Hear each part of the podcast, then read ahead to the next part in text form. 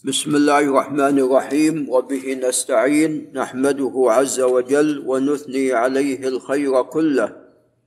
ونصلي ونسلم على نبينا محمد وعلى آله وأصحابه والتابعين لهم بإحسان إلى يوم الدين.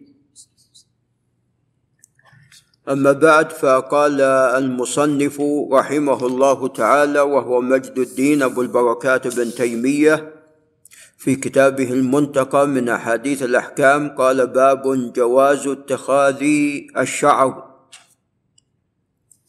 وإكرامه واستحباب تقصيره. هذه ثلاثة مسائل بوب عليها المصنف رحمه الله تعالى. وهو جواز اتخاذ الشعر وأن ذلك مما يجوز وليس بمكروه. ثانيا إذا اتخذ الشعر فعليه أن يكرمه وذلك بالتنظيف والترجيل والتمشيط ولا يتركه متشعثا وسخا.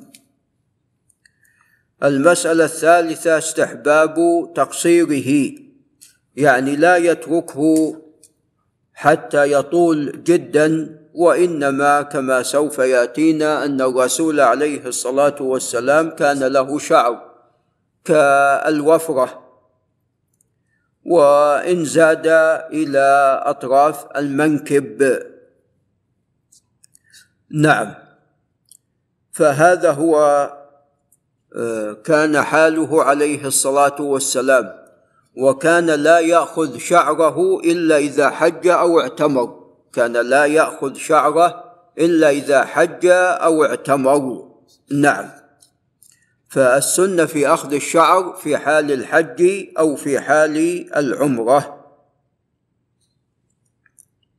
نعم. قال عن عائشة رضي الله تعالى عنها.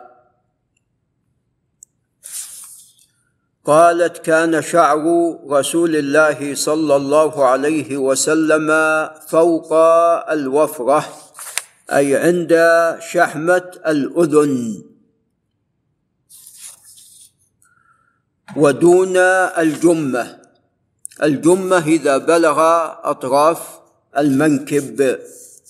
فكان شعره عليه الصلاة والسلام بين ذلك فوق الوفرة أي فوق شحمة الأذن واحيانا إلى شحمة الأذن ودون الجمة إلى أطراف المنكبين وإنما بين ذلك.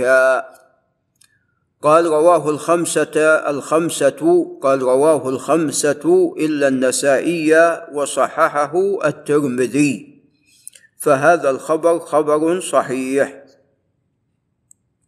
قال وعن أنس بن مالك رضي الله تعالى عنه أن النبي صلى الله عليه وسلم كان يضرب شعره منكبيه وفي لفظ كان شعره رجلا ليس بالجعد ولا بالصبط وإنما بينهما ليس بالمتجعد وليس بالصبط الناعم المسترسل وإنما بينهما بين أذنيه وعاتقه. نعم ما يعني طوله ما بين الأذنين والعاتق المنكب. قال أخرجاه يعني البخاري ومسلم. قال ولأحمد ومسلم كان شعره إلى أنصاف أذنيه. نعم. فمر هكذا ومر هكذا. وتعلمون أن الشعر يحتاج إلى وقت حتى يطول فكان إذا حج أو اعتمر أخذه كله. فأحيانا يطول حتى يبلغ شحمة الأذن وأحيانا يكون أكثر. نعم. قال الوفرة الشعر إلى شحمة الأذن فإذا جاوزها فهو اللمة. فإذا بلغ المنكبين فهو الجمة فعندنا ثلاثة أشياء لعل أبو ناصر ينتبه. عندنا الوفرة إلى شحمة الأذن فإذا جاوزها فهو اللمة. فإذا زاد بلغ المنكبين فهو الجمة قال وعن أبي هريرة أن النبي صلى الله عليه وسلم قال من كان له شعر فليكرمه. رواه أبو داود. وكما تقدم إكرام الشعر هو تنظيفه والاعتناء به. نعم. قال وعن عبد الله بن مغفل قال نهى رسول الله صلى الله عليه وسلم عن الترجل إلا غبا يعني أيضا الاهتمام بالشعر لا يكون طاغيا ودائما. فإن هذا سوف يشغل أيضا عن ما هو ماذا؟ عن ما هو أهم. فلا إفراط ولا تفريط. الشعر عفوا الشرع جاء بالتوسط في كل شيء. نعم. فجاء النهي عن الترجل يعني ادهان الشعر وترجيله و... نعم. إلا غبا. يعني يوم وترك يوم وترك. نعم. قال رواه الخمسة إلا ابن ماجه وصححه الترمذي. نعم وهذا صحيح. قال وعن أبي قتادة رضي الله عنه أنه كان له جمة ضخمة فسأل النبي صلى الله عليه وسلم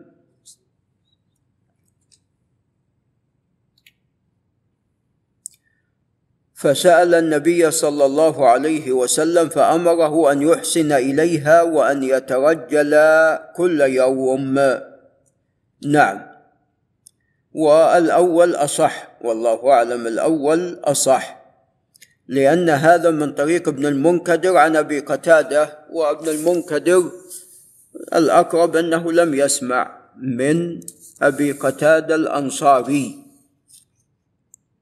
فهو مرسل الأقرب أنه مرسل نعم هذا وبالله تعالى التوفيق. نعم. كيف يا للرجال والنساء والله ال... الذي يبدو للرجال. الذي يبدو والله أعلم للرجال لأن المرأة مطلوب يعني منها التزين وما شابه ذلك.